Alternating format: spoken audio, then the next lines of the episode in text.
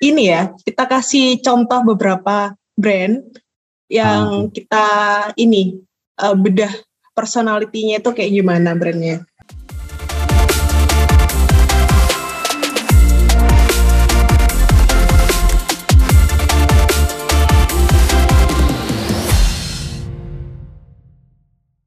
Hai Elevate Squad, welcome back to Elevate Podcast, pastinya di segmen Ruang Kreatif.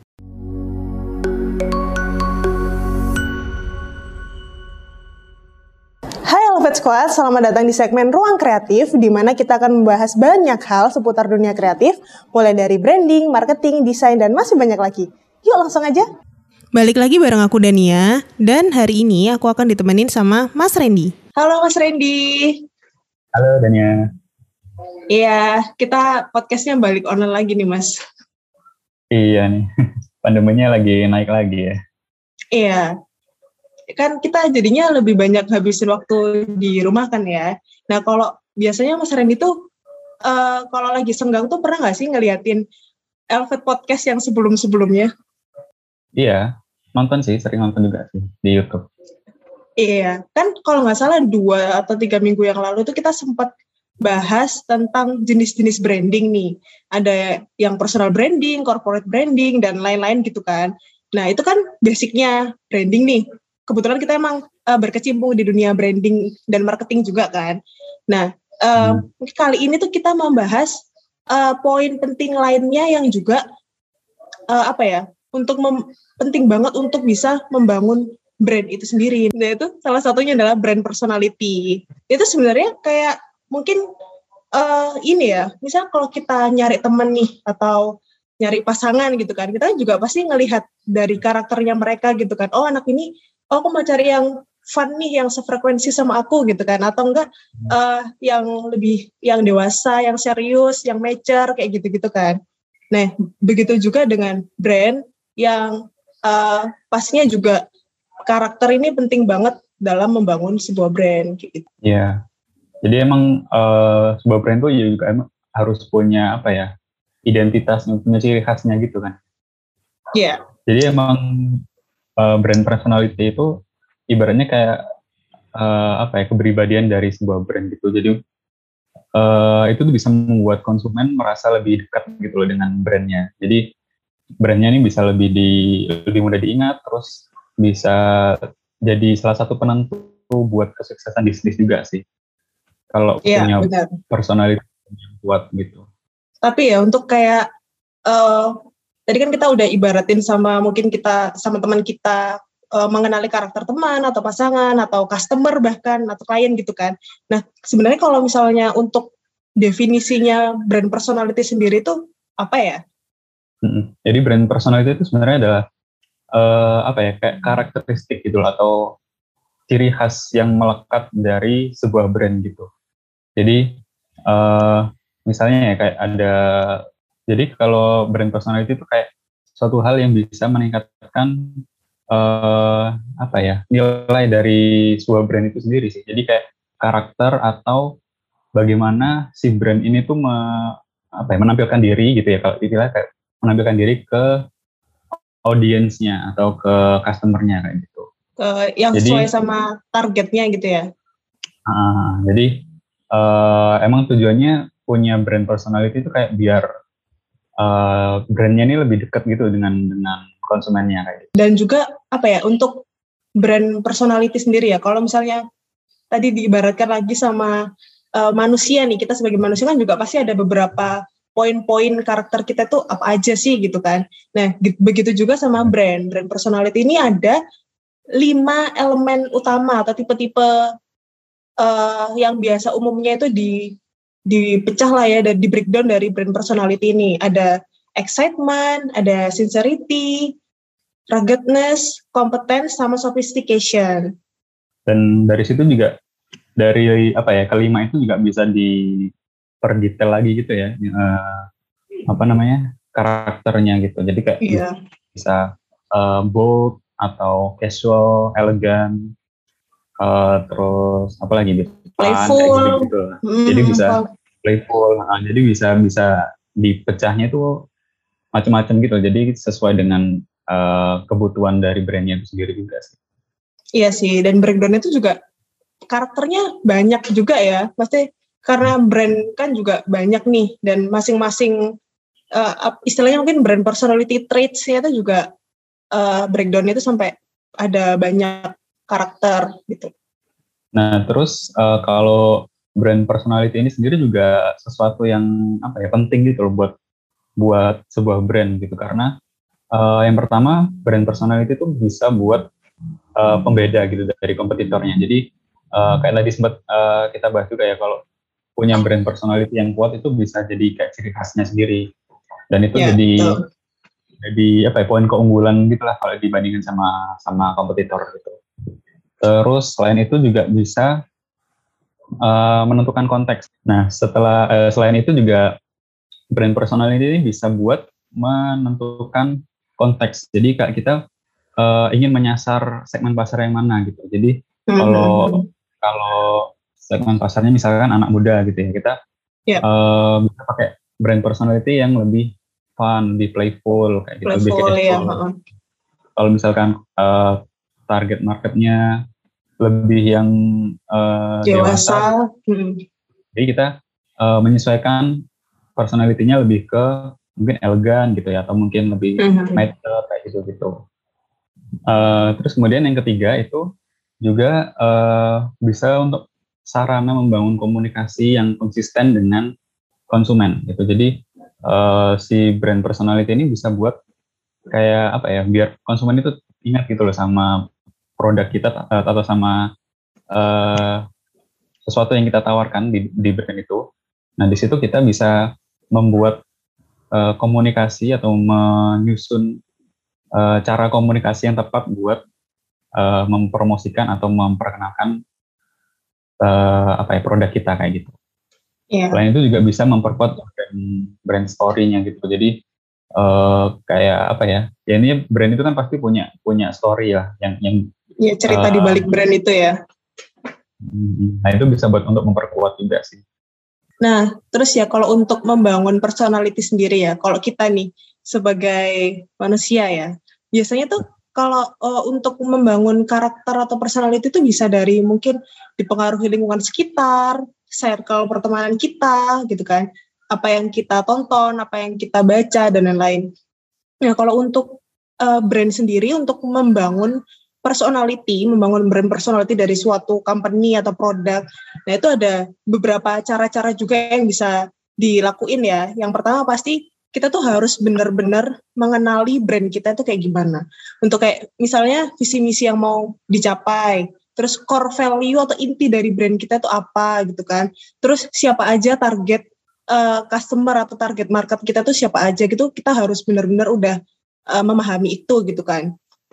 Dan juga yang kedua mempertimbangkan uh, untuk brand tone sama brand voice-nya.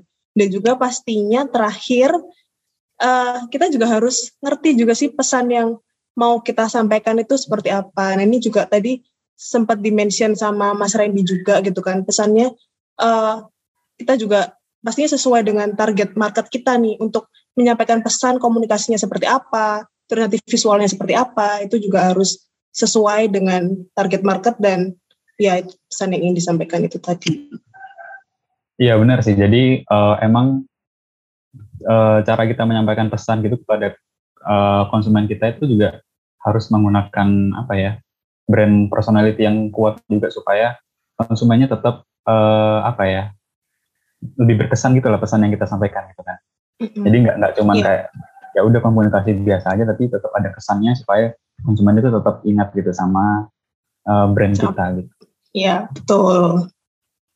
Oke, okay, mungkin next kita ini ya, kita kasih contoh beberapa brand yang hmm. kita ini uh, bedah personalitinya itu kayak gimana brandnya. Boleh, boleh. Nah, jadi uh, yang pertama nih ada uh, salah satu atau dua ya ini marketplace yang paling uh, populer gitu di Indonesia. Ada Tokopedia ya. sama uh, Shopee. Nah di sini kalian bisa lihat juga nih uh, tampilannya dari sosial medianya, dari logonya, gitu ya. Ya. Nah di sini kalau bisa kalian lihat ya, di sini ada kalau di Shopee itu dia lebih uh, personalitinya lebih playful, lebih fun, gitu ya, lebih lebih apa ya merakyat, terus uh, approachable kayak gitulah. Sementara kalau di Tokopedia ini dia lebih mature, kelihatan lebih mature, lebih modern, terus lebih profesional juga kayak gitu. Ya, ini bisa, bisa dilihat dari uh, Instagramnya ya, pertama bisa dilihat dari Instagramnya, terus mungkin dari iklannya juga yang kadang sering muncul ya kalau kita nonton di YouTube itu kan ada. Iya benar-benar. Nah itu bisa bisa uh, kita lihat dari apa personalitinya bisa dilihat dari situ juga antara dua brand uh, marketplace ini. Sebenarnya ada apa ya mitos gitu ya kalau kamu pernah dengar mitos kalau apa tuh? Uh, pengguna Shopee itu rata-rata uh, cewek kalau pengguna Tokopedia itu rata-rata cowok. Kamu pernah dengar? Iya iya pernah dengar, pernah juga dibahas di Twitter kalau nggak salah. Maksudnya kayak jadi perdebatan gitu loh. Kayak anak-anak cewek pada ke Shopee gitu kan, anak-anak cowok pada ke Tokped gitu kan. Nah sebenarnya uh, ini nggak tahu ya ini cuma dari menurut aku doang ya dari personal yang experienceku sendiri gitu. Mungkin karena aku hmm. kalau online shop itu lebih lebih banyak untuk beli produk kayak beauty produk, clothing gitu. Itu uh, gak tau ya kalau di medsos tuh keluar iklan-iklannya promo-promonya tuh di Shopee gitu kan jadi lebih lebih banyak menggunakan Shopee gitu sedangkan kalau misalnya uh, produk-produk kayak elektronik atau uh, apa ya kayak tools-tools gitu perkakas dan lain-lain itu di Tokped gitu juga pernah waktu tuh beli salah satu untuk studio kita ada meja kecil dan lain-lain itu tuh belinya di oh, Tokped juga. Gitu ya?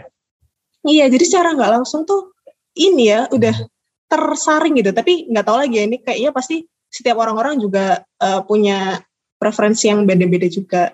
Kalau menurut Mas Randy gimana?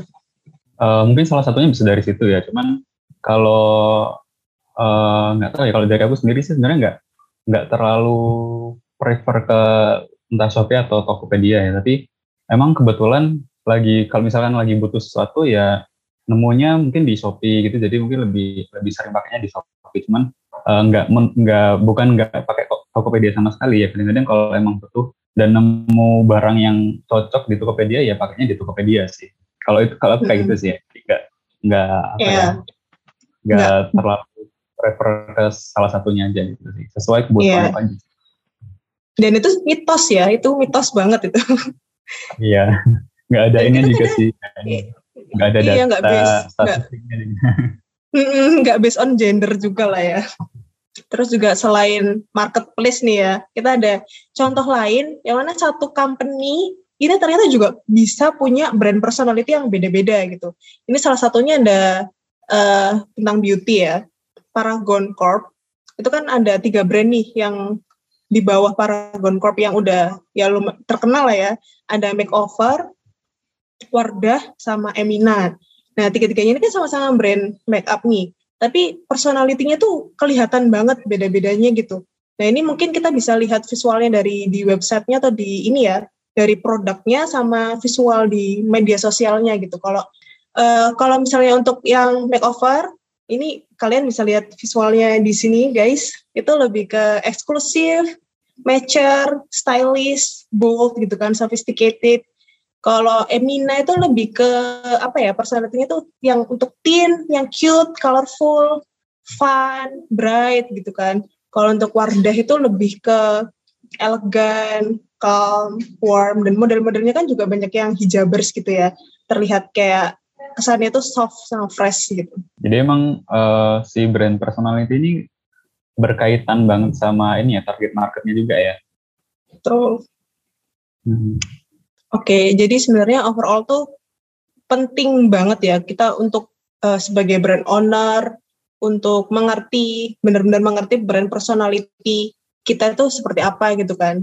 Yang pasti um, membuat kayak left of good impression gitu lah bisa dikenal baik oleh konsumen atau calon konsumen dan juga bisa meningkatkan loyalitas ke customer kita juga gitu. Jadi uh, untuk membangun brand personality ini, dia juga brand ini harus uh, intinya menjadi dirinya sendiri gitu, menjadi uh, brand itu brand itu sendiri dengan karakternya sendiri. Jadi walaupun misalkan nanti uh, suatu saat dia ada rebranding gitu ya dari logonya misalkan ganti atau style ininya ganti dia tetap bisa uh, apa ya punya brand personality-nya tetap tetap kuat gitu tetap berkesan buat si uh, apa ya konsumennya dan bisa jadi salah satu inti dari brand itu sendiri kayak gitu. Iya betul. Oke okay, ya semoga podcast kali ini bisa memberikan insight lah ya buat brand owner atau pelaku bisnis lainnya pengusaha dan lain-lain Semoga bermanfaat. Hmm. Thank you Mas Randy udah nemenin di podcast kali ini. Ya, yeah, thank you. Ya, yeah, thank you. Bye. See you on next podcast. Yeah, see you. Oke, okay, Rapid Squad, finally kita udah bahas tentang brand personality, khususnya lima elemen dari brand personality, dan beberapa karakter penyusunnya, yang mana banyak banget ya. Nah, nggak hanya sebagai pembeda dari kompetitor, brand personality juga bisa memperkuat brand story dan brand image kamu loh. By the way, sejauh mana kamu mengenal brand kamu? Buat kamu para brand owner, coba dong komen personality dari brand kamu. Terima kasih udah dengerin Elevate Podcast sampai habis. Jangan lupa like dan share ke teman-teman kalian ya. Semoga menginspirasi. See you.